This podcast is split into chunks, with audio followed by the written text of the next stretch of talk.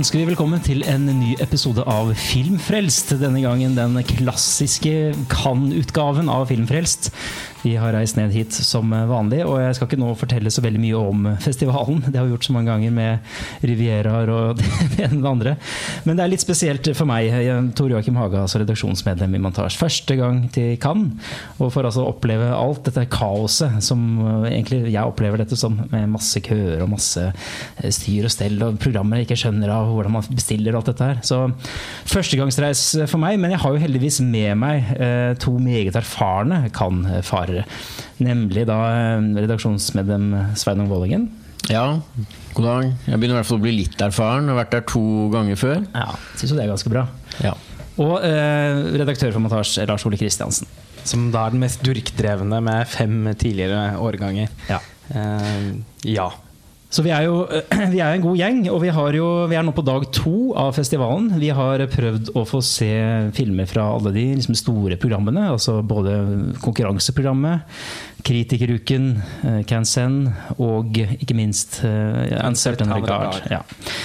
Så, så, vi er godt i gang. Vi tenkte ikke vi skulle kanskje i dag snakke om alle de filmene vi har sett. Nei, Vi har faktisk klart å eh, fått sett oppsiktsvekkende mye i løpet av bare de to første dagene. Så det er litt sånn at vi må gjøre noen prioriteringer. Men vi kan i hvert fall begynne med å snakke om eh, Bruno Dumonts nye film, for det vet vi jo er en filmskaper som en del av eh, lytterne våre har et eh, forhold til. Han har vi også snakket om på Filmfrelst før, både i forbindelse med kåringen av 90-tallets 100 beste filmer, der hvor L'Humanité ja. var representert. Og det er Litt sånn polariserende eh, internt i montasjeredaksjonen, i hvert fall. Ja, Petit, Petit Cancan. Og Petit Cancan, som ja. vi så eh, på, på, TIFF eh, for eh, halvannet år siden. Og som det var litt ulike meninger om i podkastpanelet. Jeg tilhører jo da de som har et veldig positivt forhold til Bruno Dumonts filmer. Og som uh, syntes Petit Cancan var en helt uh, fantastisk fornøyelig uh, sak, må man kalle den. Eh, det var jo egentlig, en, egentlig er det jo en miniserie, men som også har blitt klippet sammen til en kjempe, kjempelang film.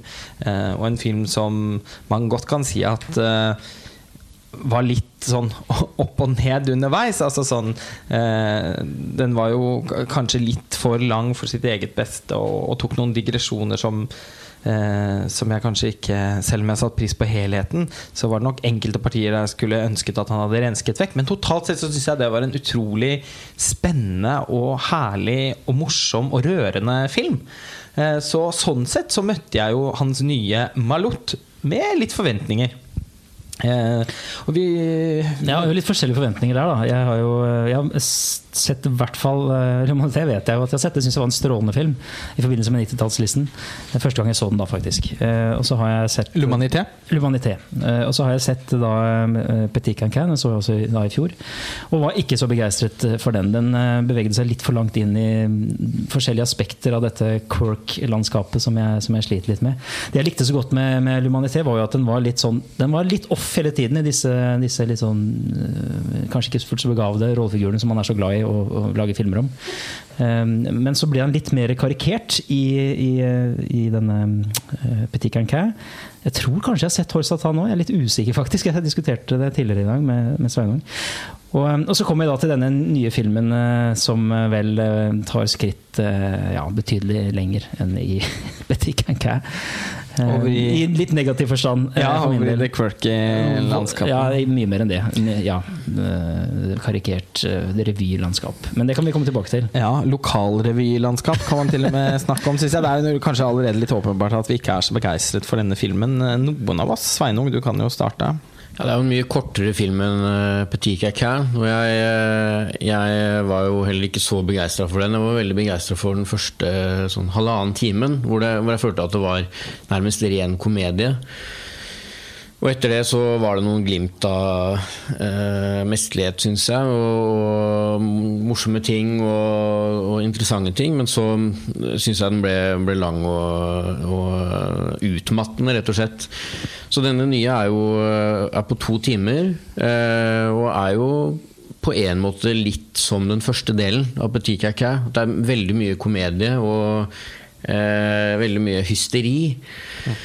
Men også en mye mindre morsom film, syns jeg. Og eh, også litt skuffende at, han, at Bruno Dumont velger å fortsette eh, litt på den bølgen fra Petit Cacao.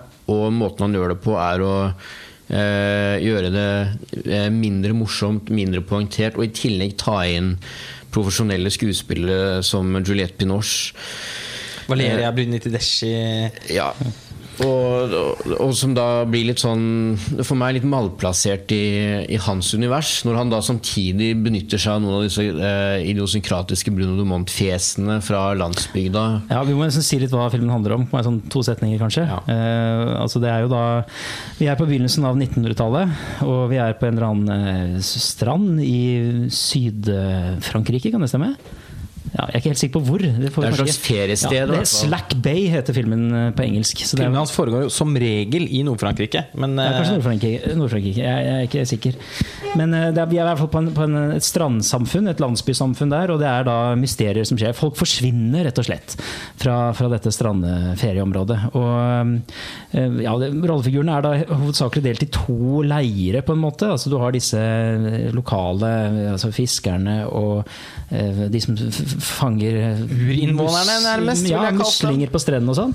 Og så har du disse nei, nærmest sånn overdrevet aristokratiske feriegjestene fra storbyen som kommer der og er og lever livet. Um, og så er det da forskjellige relasjoner mellom disse to gruppene i, i løpet av filmen. Et sånt bredt rollegalleri er det jo, men uh, men uh, rollene i seg selv og måten den, din, de, de uh, gestaltes på, kan man jo diskutere om det er vellykket. Ja, altså Her tar han jo det, filmens såkalte mysterium. Eh, I Petit Cancan så var det også noen drap som henne skjedde, og som var, faktisk var da et reelt mysterium. Jeg skal ikke si at det var så veldig mye suspens i den filmen.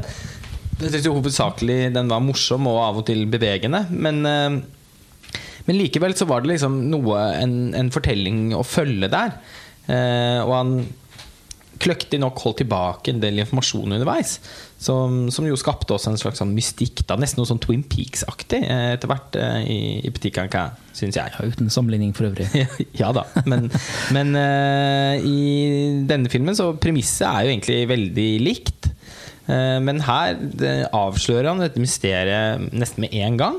Som er at disse urinnvånerne, som jeg kaller dem Men det er ikke noe spoiler å si det, kanskje? Nei, det vil jeg ikke si. Nei. For det skjer med en gang. Mm. og at de er kannibaler som, som spis, forsyner seg av turistene som kommer. I, I sommersesongen, er det vel. Haisommer. Eh, ja. Eh, og det er jo morbid, eh, og kunne selvfølgelig også vært litt morsomt. Og akkurat de typene der er jo så, eh, som, som du sier, Svein, så idiosynkratisk Bruno Dumonske at, eh, at de i utgangspunktet er en litt mer ekstrem versjon av, en, av noen typer som man også tidligere, tidligere på en måte har skapt.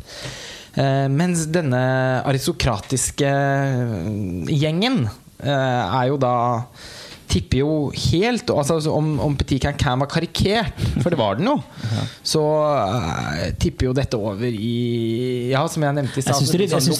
revy, lokalrevy, eller sånn pensjonist altså sånn på sånne gamlehjem Var det sånn- det ikke det du sa? Skal hygge seg med noe, ta på seg noe, noe sjal, og så blir det en rar person. Jeg ser for meg en sånn voksne mennesker «Åh, Nei, nå skal vi bare ha det litt artig, dere! Og så skal vi ikke lage en revy! Og så, og så får de en sånn koffert noen med gamle klær på loftet. Ja, som dras fram, og så tar de det på så, og så Og så har de det fryktelig morsomt mens de lager det. Og så kanskje de viser det til så, At familie og venner også syns det var kjempeartig, men at det selvfølgelig totalt sett ikke er noe å spare på. Og det er, det er jo også en veldig sånn flau Jeg vil jo ikke kalle det helt en sjanger, men eh, man har jo sett filmer tidligere òg hvor, man- hvor man ser at på en måte litt sånn, gjerne litt sånn godt voksne skuespillere som virkelig skal ha det artig, eh, og som eh, bare ender med å tippe helt over i noen eh, og, og, altså, og, og, Men, men det er noe annet når det, når det gjøres Når hele det konseptuelle er teatralsk, sånn som i en Tim Burton-film, eh, sånn som f.eks. den Dark Shadows, eh, hvor, hvor da med velvilje alle spiller veldig operatisk og, og, og karikert og sånn. Men da er, jo, da, er, da er det jo inni en sånn ramme hvor det, er, hvor det er innforstått. Mens her følte jeg ikke at det er det. For det, Dumont vil alltid han prøver liksom å være litt off, men her klarer han jo ikke helt det. Han blir jo så on uh, i Ja. Jeg, Altså, ja, men jeg tror at det, sånn, eh, det er jo flere skuespillere man kunne nevnt her som gjør mye mer irriterende roller, men jeg syns det er mest skuffende med Juliette Ja, Norsk, kanskje. Men, men til hennes forsvar så syns jeg jo at det, det virker som Bruno Dumont har bedt skuespillerne om å virkelig ta den helt ut. Han, han vil nok uh, med viten og villighet dra det så langt som han gjør, og leke seg litt med, med den måten å lage farse på og sånn. Men problemet er jo at det, eh, det blir jo ikke morsomt, og det blir ikke noe interessant på noe som. Det er ikke noe sånn Ja, det jo- eh, bakenforliggende tematikk. Er det da liksom det her med, med møtet mellom overklassen og disse landsbybeboerne? Det har man jo sett hundre ganger før, og det var- ikke noe spesielt spennende. Så. Han prøver seg på noe litt sånn felinisk, som vi har vært inne på. Som, med sånn karnevalsk eh, eh, Ja, nesten sånn groteske saker som Men det funker jo ikke. Det blir bare Det går over i det enerverende. Og da spesielt, som du nevner, Sveinung, eh, Juliette Binoche sin aristokratiske uh, rollefigur. Da, som hun, å, hun skriker og skråler og griner og besvimer med noen voldsomme fakter. Og,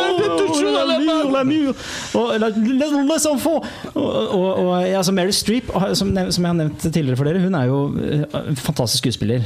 Uh, Men når hun da ikke får ordentlig regi, så kan hun levere noen veldig sånn Hva er det det engelske ordet heter? sånn eh, ikke hackneyed, men eh, ja, Det er et spesielt eh, ord for det. Når, når de overdriver, ikke har noen regi, og de, de kan jo pøse på med akkurat hva de vil, men, men det, det blir ikke veldig irriterende. Jeg har jo ofte hatt veldig problemer med Meryl Streep når hun er i det moduset. Være seg om det er i den forferdelige Mamma Mia-filmen, eller om det er i den derre Åh, den Julian Julia, den kokkefilmen. Oh, there!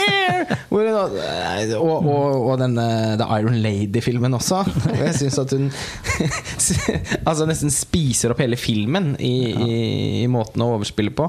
Uh, og Juliette Binoche, som til vanlig er en av mine favorittskuespillere, uh, avslører også et litt sånn begrenset uh, Ikke register, for hun har et stort register til vanlig, men som hun- som komedieskuespiller så vet jeg ikke om hun har så veldig mye å fare med. Eh, Det er i hvert fall Det går helt av skaftet i denne filmen. Det er veldig, veldig pinlig og trist å se Ja, og på. flaut, det. Og det er skikkelig flaut, rett og slett. Og jeg syns eh, eh, fra, ganske, fra, fra et ganske tidlig tidspunkt så, så, så skjønte jeg hvor det bar hen, og satt virkelig og gremmet meg gjennom hele filmen. Jeg syns det var en, rett og slett en helt forferdelig opplevelse. Eh, og som sagt, jeg setter stor pris på Bruno Dumont. Jeg syns han har et veldig Jeg synes han har et veldig fascinerende filmunivers. Uh, og jeg syns han har laget noen filmer som virkelig står seg ut. Ikke minst den som heter Hadewish, som i og for seg er en litt annerledes Dumont-film. Eh, kan nesten minne mer om eh, Bresson og Dreyer, til og med. enn, eh, og det kan jo en del andre Dumont-filmer òg, men det, er, eh, det var en film jeg tenkte at Dumont var i ferd med å bli, virkelig bli voksen. Eh, og så fikk han kanskje en litt sånn baksmell igjen med Or Satan, selv om den også er veldig morsom eh, og har noen veldig flotte ting ved seg. Og så gikk han i, som sagt, i en ny retning med Petit Cancan da, og dyrket komedie. Det- Og i lys av den så tenkte jeg herregud, han har jo selvfølgelig et kjempetalent for komedie. Og det er underlig å se hvordan han mister det eh, bare så kort tid etterpå. For denne filmen syns jeg tvers igjennom er helt Det er et par blaff av noe, av noe litt fint der. Ja, noe litt fotografiske ting her og der. og- Det er noen fine bilder, og det er også noen eh, eh, Og den der ene karakteren som er eh, den gutten som kler seg ut som en jente, syns jeg var fin. Ja, for det er tilløp til noe rørende, syns jeg. Spesielt i det forholdet mellom denne guttejenta, eller jentegutten, eller hva. Hun er vel litt i tvil selv. Mm, androgyn. Og, ja, eh, og Malot, eh, denne gutten i matrosbekledning. Som er en del av kannibalfamilien. Ja, men og Bruno Dumont er veldig flink på eh, sånne eh, Egentlig litt sånn vare øyeblikk hvor to personer som kanskje står litt utenfor, ser, bare ser på hverandre, har noen blikk, klemmer hverandre. Og det var tilløp til det her òg, men, men eh, her har han bare bestemt seg for å eh, ikke utnytte det noe mer, og ikke gå videre med noe, noe sånn emosjonelt i det hele tatt. Og bare gå videre med dette farsepregede og umorsomme. Og bare, han, ødelegger, han ødelegger for seg selv også, så mange ganger i filmen. Det jeg også syns jeg var veldig frustrerende. Skal jo sies at jeg har humra litt over eh, et par ganger, i hvert fall tidlig, av disse, disse to politibetjentene. Han ene sånn kjempetjukke Heland og Halland-fyren, og så han andre litt inne. Um, som, han faller og ruller ned som en ball og greier. og Det er, det er mye sånne ting. Det, det er litt morsomt til tider. Ja, tjukke folk kan være morsomt uh, innenfor visse settinger, men, eh, men det, ble litt mye av det òg, i, i lengden. Ja, jeg syns i hvert fall det er en veldig billig form for humor. Som selvfølgelig kan altså, eh, en del, Det fins en del tilsvarende eksempler, eksempler på noe lignende i Petit Cancan, og som jeg syns fungerte kjempebra. Som f.eks. han gamle bestefaren som bare kaster ut tallerkenene og glassene på bordet når han skal dekke på. Eh, så, men det er også en sånn veldig han har også en veldig hang til i denne Malot at karakterene alltid skal eh, falle og slå seg. Altså, hvor mange tror man kunne hatt en drikkelek? Slapstick. Uh, ja, det er selvfølgelig klassisk slapstick, men det er også sånn slapstick på en helt sånn uh, uakseptabel, banal måte. Folk detter jo hele tiden. Altså, sånn, det, det er som om som For å komme tilbake til den lokalrevysammenligningen i stad. Det er sånn når, når forfatteren Når det har blitt for mange rødvinsglass, eh, når, når, når, vennegjengen har, har manusmøte en kveld, eh, og det eneste man sitter igjen med av ideer, er Ja, men så detter du også! Han datt han på ræva! Han datt på ræva. Nei, men altså det, det som er problemet sånn fra komedieperspektivet, er jo at eh, vanligvis Jeg elsker jo absurd humor. Det syns jeg er kjempebra. Dumont er jo inne på noen absurde ting her, men du må alltid ha en slags straight bakteppe, ellers så kansellerer elementene seg selv. Og her blir det jo at de eh, altså, interagerer med hverandre, disse her voldsomt utrerte rollefigurene. Og da går de heller over til å bli irriterende fremfor humoristisk, da, syns jeg. Ja. Og eh, jeg, jeg, skjønner ikke hva denne filmen egentlig gjør i hovedkonkurransen, selv om jeg på mange måter syns det er naturlig at, at Brundemo er en som har litt sånn carte blanche der. Eh, men det er han jo ikke, for han har jo ikke hatt en film der på mange år. Eh, og, og ja, både Orsatan og Petit Cancan er på et helt annet nivå eh, enn denne filmen her. Så at det var dette som skulle være liksom returen til eh, Lumière, eh, den største salen i, i Cannes, eh, i festivalpalasset. Der hvor hovedkonkurransefilmene vises. Eh, Det, det syns jeg er forferdelig merkelig avgjørelse. Det har ikke noe i en sånn hovedkonkurranse å gjøre i det hele tatt. Men samtidig så sier vi jo det hvert år, da, mange av filmene som vises der, at de ikke har noe der å gjøre. Mm. Så det er jo åpenbart at man alltid vil sitte igjen med en eller annen eh, Altså en, en, en bag med, med litt eh, forskjellige ting i. Og man har sikkert eh, De som er programsjefer i Cannes, altså Thierry Froment og co., de har sikkert en eller annen tanke om at det skal være det skal, det skal være variert, man skal ha så og så mange land representert, det skal helst være så og så mange franske filmer. De er kanskje lykkelige for å få inn en komedie. De har lyst til at Juliette Binoche skal komme på den røde løperen. Mange hensyn som skal tas, utover også de rent kunstneriske, tror jeg. Mm. Men, eh, men at den filmen men, men, men det er virkelig sånn at jeg opplever at det er en sånn kunstnerisk fallitt, altså. Mm. Jeg syns han Ja. burde skamme seg over å lage noe så teit som det den filmen er. Og det var også merkbart under visningen jeg var på, at det var veldig Særlig franskmenn, tror jeg, som lo veldig mye. Ja, det var samme de også med ti- ja. 10-15-20 første minuttene. Men det ble ganske tyst etter hvert. For eksempel når han gjentar eh, det er en sånn sekvens hvor han kjempe, kjempe, kjempetjukke politimannen ruller ned så, som en smultring eh, fra en åsside og ned på en strand. Og det gjentar han eh, en gang til i filmen, og da, den andre gangen var det faktisk ingen som lo. så, så han lyktes ikke med repetisjonshumor heller. Eh, og det kan ofte jeg eh, det, det appellerer ofte til meg, eh, sånn repetisjonshumor. Men eh, heller ikke det lyktes i denne eh, fiaskoen annen film. Men vi får snakke om noe hyggeligere. Vi har Ja, jo sett en annen film eh, som ikke jeg har sett, men som eh, dere to har sett. ja, Eh, det, vi har sett uh, den nye filmen til Alain Giraud, mm. eller Giraudi, uh, som sto bak 'Fremmed ved sjøen', som uh, ble vist i Uncertain Regard for eh, det er vel to år siden, og mottok veldig mye anerkjennelse der. Ja. Og ble, fikk også norsk kinodistribusjon. Eh, og det er jo en spennende film, men eh, det var ikke nødvendigvis sånn at eh, jeg sto sånn fremoverlent av forventninger til denne Staying Vertical. Eller Rester Vertical, som den nye filmen hans heter. Som da eh, fikk æren av å starte hovedkonkurransen. i går.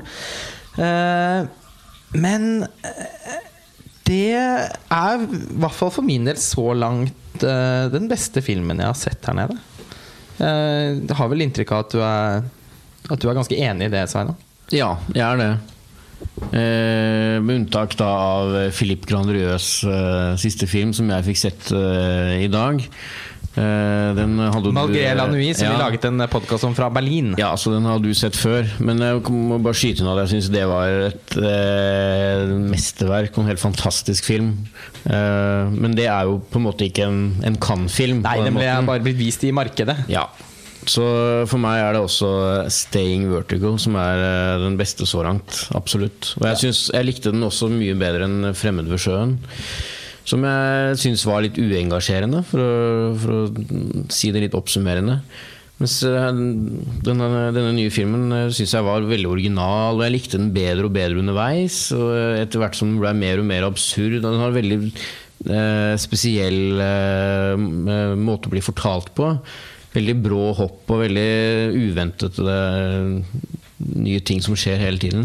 Vil du kanskje våge deg på å prøve å forklare hva den handler om? Ja, jeg kan prøve. Eh, Det er jo en eh, slags forfatter som eh, Om han skriver på en film eller en roman eller hva, jeg vet ikke Det er vel et filmmanus, tror jeg. Ja. Men han får også betalt litt sånn underveis eh, for å levere noe. Men om det kanskje det er deler av det manuset. Det er mulig at jeg ikke helt fikk med det. Men iallfall så drar han ut på, eh, på landsbygda her også. eh, Og eh, eh, det starter vel egentlig med at han stopper ved eh, et hus hvor det er en eldre mann som sitter utenfor, og han bor der. Og så er det en gutt på andre siden av veien, og han spør om denne gutten har lyst til å være med i eh, filmen hans. Eh, eller om han er interessert i en slags skuespillerkarriere, og det er han ikke interessert i. Men etter hvert i, underveis i filmen så skal vi få stifte mer bekjentskap med både gutten og denne eldre mannen som bor i huset. Og de har et slags eh, far-sønn-forhold med noen seksuelle undertoner, kanskje, eh, som også blir klare utover filmen. Men han ender opp med å eh, bo hos en eh, kvinne som er sauebonde, eller faren hennes er sauebonde, og hun er i ferd med å ta over driften. Så han bor der på denne gården sammen med de to. Får muligheten til det mens han sliter med dette manuset sitt og ikke helt vet hva han skal gjøre. Eh, og så får de barn sammen, og så Og der ja. går det veldig fort i Ja, det, derfor går det veldig fort, og det skjer mer og mer absurde ting. Eh, og dette eh, dette, vi ble jo sittende en stund etterpå og forsøke å diskutere oss fram til hva denne filmen egentlig handler om. Eh, nå er jo han Alain Girard, eh, eller Girard eh, Han er jo homofil, eh, etter hva, hva jeg har skjønt. Og han er jo kjent for liksom å lage til liksom queer-filmer, inkludert 'Fremmed ved sjøen'. da. Og det er naturlig å lese det inn i filmen, fordi eh, selv om hovedkarakterens seksuelle orientering er litt diffus, så får jeg i hvert fall bestemt inntrykk av at det handler litt om eh, en homofil mann som, eh, som sin søken etter aksept og etter en, etter en trygg havn. Eh, en hylle å havne på, et hjem. Altså, og det er jo, tenker jeg, en type identitetsproblematikk og, en, og, og utfordringer tilknyttet uh, Altså det å føle, altså oppleve tilhørighet og anerkjennelse som jeg tror veldig mange homofile opplever da, i livene sine. At man ofte uh, Ja, altså i hvert fall hørt mange historier fra folk jeg kjenner, og sånn som, eh, som har hatt Som har opplevd å måtte på en litt annen måte, tror jeg, enn eh, hvis man er heteroseksuell. Og, og måtte gjøre ganske Altså om ikke ydmyke seg selv, så i hvert fall eh, ha, ha såpass lave forventninger rundt å bli akseptert at man er villig til å eh, til å havne i en del situasjoner som, som egentlig er utenkelige å havne i. Eh, for, å opp, for å oppleve den anerkjennelsen, da. Mm. Eh, det er litt vanskelig å forklare, kjenner jeg. Men eh, Jo, men jeg, jeg tenkte på det samme, og det denne fødselen, f.eks. Når, når han blir far. Måten man da klipper fra eh, et underliv og til denne fødselen på, eh, vitne om en slags sånn der, eh, idé fra hans side om at dette er en sånn effektiv og rasjonell handling for at han skal eh, ja, på en eller annen måte føle seg litt etablert og ha et visst rammeverk. Da. Og det jo, viser seg også etter hvert i filmen at det er flere karakterer som har en slags sånn undertrykt eh, Homoseksualitet, homoseksualitet i seg, uten at det og jeg syns at måten det ble utforska på, var ganske originalt, egentlig. At det, og ikke så endimensjonalt som det kunne ha blitt. For det er liksom ikke bare at de har undertrykt legningen sin, det, er- det blir nesten uh, pakka inn en slags sånn eventyr Det Filmen var jo som en fabel. Ja. Uh, og, og, dette med uh, Og dette med at han skal få et hjem og etablere seg med denne, denne kvinnen og få dette barnet For Jeg opplevde, leste det veldig metaforisk. da at, eh, at det mer handler om denne søken etter en anerkjennelse, ideen om et trygt sted å være eh, i livet. Fordi han er altså det er Bare det at han er hjemløs, da. Mm. Eh, Og det blir jo aldri forklart hvorfor. Eh, Det er ikke sånn at han har mistet, jo eller, altså sånn, han har mistet jobben og mistet leiligheten. Eh, han, han må gå på Nav, holdt jeg på å si. For det, det er, de type detaljene er veldig uvesentlige, tror jeg, vi- for, for, uh, i denne filmen. Altså, den nett, og det er nettopp det da, som gjør at, den, at, det blir, at universet nesten blir sånn eventyraktig, som du sier. Og jeg tenkte eh, Morsomt nå som vi har snakket om Bruno Dumont, fordi jeg tenkte ganske mye på Bruno Dumont uh, når jeg så uh, 'Staying Vertical'. Og jeg tenkte også på Pasolini. Uh, kanskje nettopp pga. den fabelaktige ikke fabelaktige, men sånn fabellignende eh, strukturen. Eh, og selvfølgelig da den litt sånn eh, Potensielt, i hvert fall, sånn homofile erkjennelsesprosessen Ja. som, som filmen kretser rundt. Mm. Ja, og etter hvert så Han, han er jo også veldig ettergivende. Sånn, han, eh, han blir jo mer og mer I starten av filmen så eh, kan man få inntrykk av nettopp det at han, han er bare opptatt av å legge til rette for seg selv, og at han skal eh, få disse trygge rammene, eller Men etter hvert så blir han jo mer og mer som en sånn eh, Litt som en slags sånn Jesusfigur, i hvert fall veldig oppofrende. Eh, som stiller opp eh, for, for andre og gjør det andre eh, inkludert barnet, eh, skulle da måtte forvente han. Og, så det skjer en slags sånn utvikling hos han som, som handler også om, det, om denne homoseksualiteten. Hvordan det får et uttrykk overfor andre. Og det, og det er det er, jeg føler meg ikke ferdig med filmen i det hele tatt. Nei, virkelig Så- ikke. Og det er noe av, det, noe av kvaliteten ved den. Det er rett og slett veldig morsom å snakke om. Og den flyter ut i en sånn Det blir jo nesten helt absurd etter hvert. Eh, Får nesten en sånn drømmeaktig atmosfære. Eh, Og blir også ganske ubehagelig.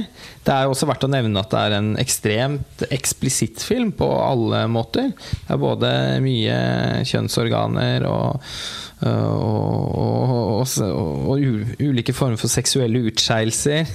Eh, og plutselige innslag av brå vold og en generell Og, og mye, mange sånn ubehagelige detaljer eh, som Men som jeg på en eller annen måte følte at Jeg syns ikke den ble For på et eller annet tidspunkt underveis Så må jeg innrømme at jeg tenkte at jeg syns dette her ble litt sånn spekulativt. Eh, Men så syns jeg likevel ikke det endte opp med å være det i det hele tatt. Og det er også noe med at liksom, naturen settes i spill her. Er en uh, fantastisk avslutning, blant annet med noen ulver. Ja. Som, uh, og, og det er også en sånn, uh, et sånn bilde i filmen. At det er en sånn konstant, konstant trussel hele tiden. At denne saueflokken skal bli tatt av ulver. Fordi det er noen som har blitt jafset opp allerede. Og så er det en frykt eh, rundt at ulvene skal komme tilbake, og da vil alt gå under hvis det skjer. Og, ja, det er Ja. rett og slett en kjempeinteressant eh, film. Ja, og det, og det er jo noe av det som gjør at man aksepterer det etter hvert. Disse absurde vendingene og sånn. Fordi det, det føles litt som, som bilder på, på noe. Flere av de enkeltstående øyeblikkene. Det er derfor man får Men, lyst til å gå tilbake og se den igjen Ja. og, og avlese de bildene grundigere enn vi har fått anledning til. En film, film som har litt flere lag enn eh, Bruno Dumont-filmen, i hvert fall. Åpenbart. Ut Det fra det dere sier her. Ja, Men du Tor Joakim har jo vært uh, i, sneiet innom En Ja. Sultan Regar og fått med deg åpningsfilmen der. Jeg har gjort det. Jeg har fått med meg åpningsfilmen der, som var den egyptiske Eshtebak, eller Clash, som den heter på engelsk, regissert av Mohammed Diab.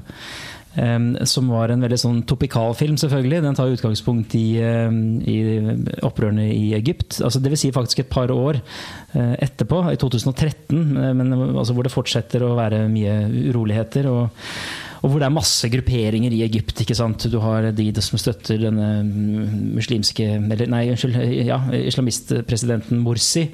Og så har du de som støtter andre grupperinger. og så er det, det er, ja, dere kjenner, Jeg er ikke noe ekspert på dette, her, som dere helt sikkert skjønner på den lille beskrivelsen.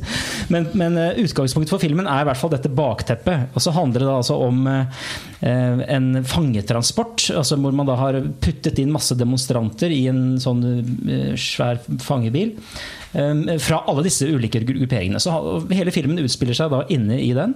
Og Hvordan kan disse klare å komme overens med den bakgrunnen de har, og, så videre, og hvordan klarer de å overleve gjennom en, også en ekstern trussel fra folk som kaster ting og skyter på ikke sant, alt dette her kaoset.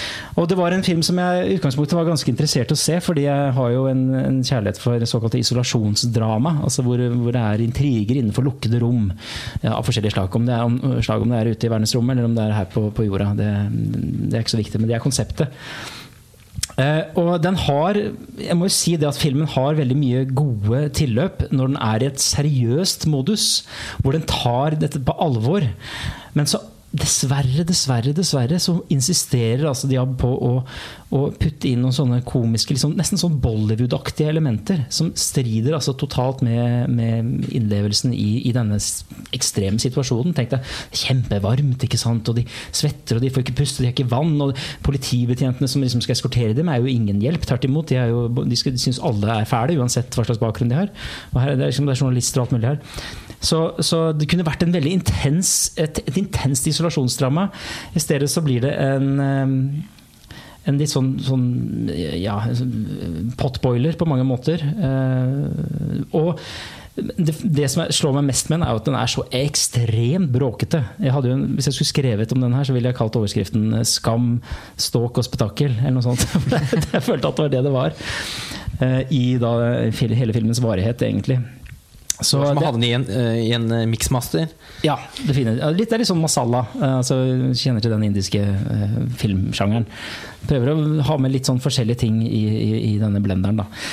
Så den blir, litt, eh, den blir litt slitsom og litt vanskelig å identifisere seg med, selv om det er eh, hele tiden masse energi og skrik og skrål og spetakkel. Jeg, jeg føler det var et veldig uforløst potensial denne filmen her, altså. Dessverre. Dessverre. Jeg var jo innom Seretan Regar i dag og fikk sett eh, to filmer. Den russiske filmen 'The Student'. eh, også det en film eh, med som, som var i og for seg ganske interessant, og som hadde en del potensial. Det var en sånn slags versjon Jeg vet ikke om dere kjenner til den. Det var en, en sånn kortfilm som ofte ble vist på skolen før i tiden, i hvert fall. eh, som het The Wave.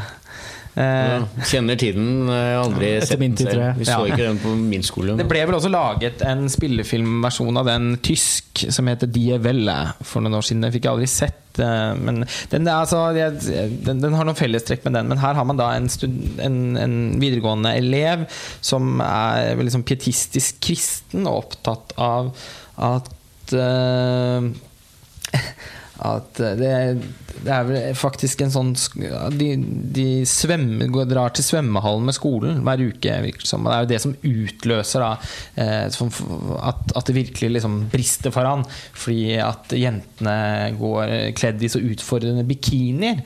Og at eh, med hans verdisyn da, så er det veldig støtende. Og han syns det er Han klarer ikke å akseptere at, eh, at på en måte verden har blitt som den har blitt. eh, Og eh, forsøker da å liksom gjøre et opprør mot dette her. Som han på en eller annen helt absurd måte etter hvert lykkes med, fordi han får gjennomslag for flere og flere av innspillene sine. Og til slutt står han der og er det han som står der omtrent og underviser klassen i, i læren om, om, om livet og verden blir sånn, Det blir igangsatt en slags sånn eh, protestbevegelse som da egentlig går imot en del av de moderne verdiene vi har, og ikke minst så kan man jo tolke det som en slags satire over seksualiseringen i vår samtid. Eh, men eh, sånn totalt men, men, men, så blir det altså Kommunismen trekkes inn her, og det blir også på en måte en, en satire om, om hva ideologier kan gjøre med, med folk, og, og, hvordan de kan virke forkvaklende. Og I det hele tatt så er det en, eh, en saus ja. uh, av forskjellige ingredienser som jeg følte at i og for seg var ganske morsom. Mm. Men mors altså sånn, Det var artig å se, men jeg syns jo ikke nødvendig Det var altfor Det var for diffust og overtydelig på en og samme tid ja. mm. til at jeg kunne sette, virkelig sette pris på det. Ja, jeg så bare de 45 første minuttene av den før jeg måtte gå til en annen film. Men, uh, så jeg kan skrive under på en del av dine betraktninger basert på de 45 minuttene. Ja, det var ikke så, buktet seg ikke så veldig mange andre retninger, kan jeg avsløre.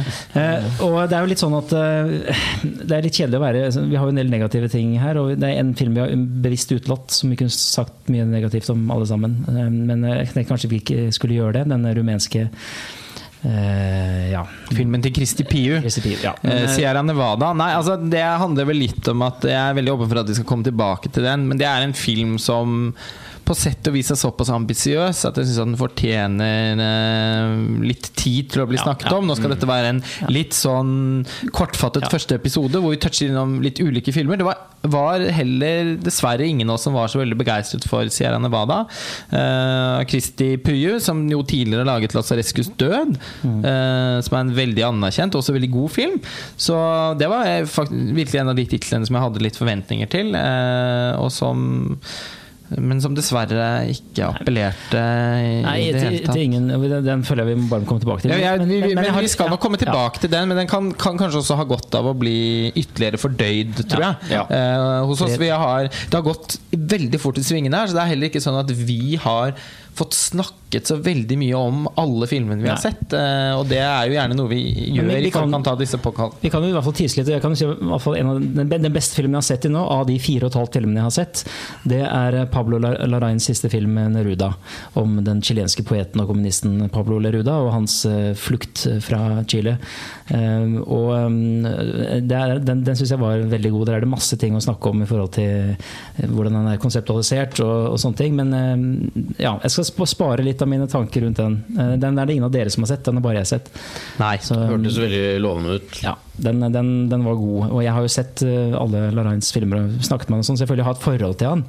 Så jeg, kan, eh, jeg, skal også tygge litt på den og se om jeg kan komme tilbake til den på et senere tidspunkt. Jeg ser at jeg tror jeg er leder i filmstatistikken, for jeg, min neste film nå blir faktisk min åttende. Så, og for at jeg skal rekke den, så er vi nødt til å avslutte ja.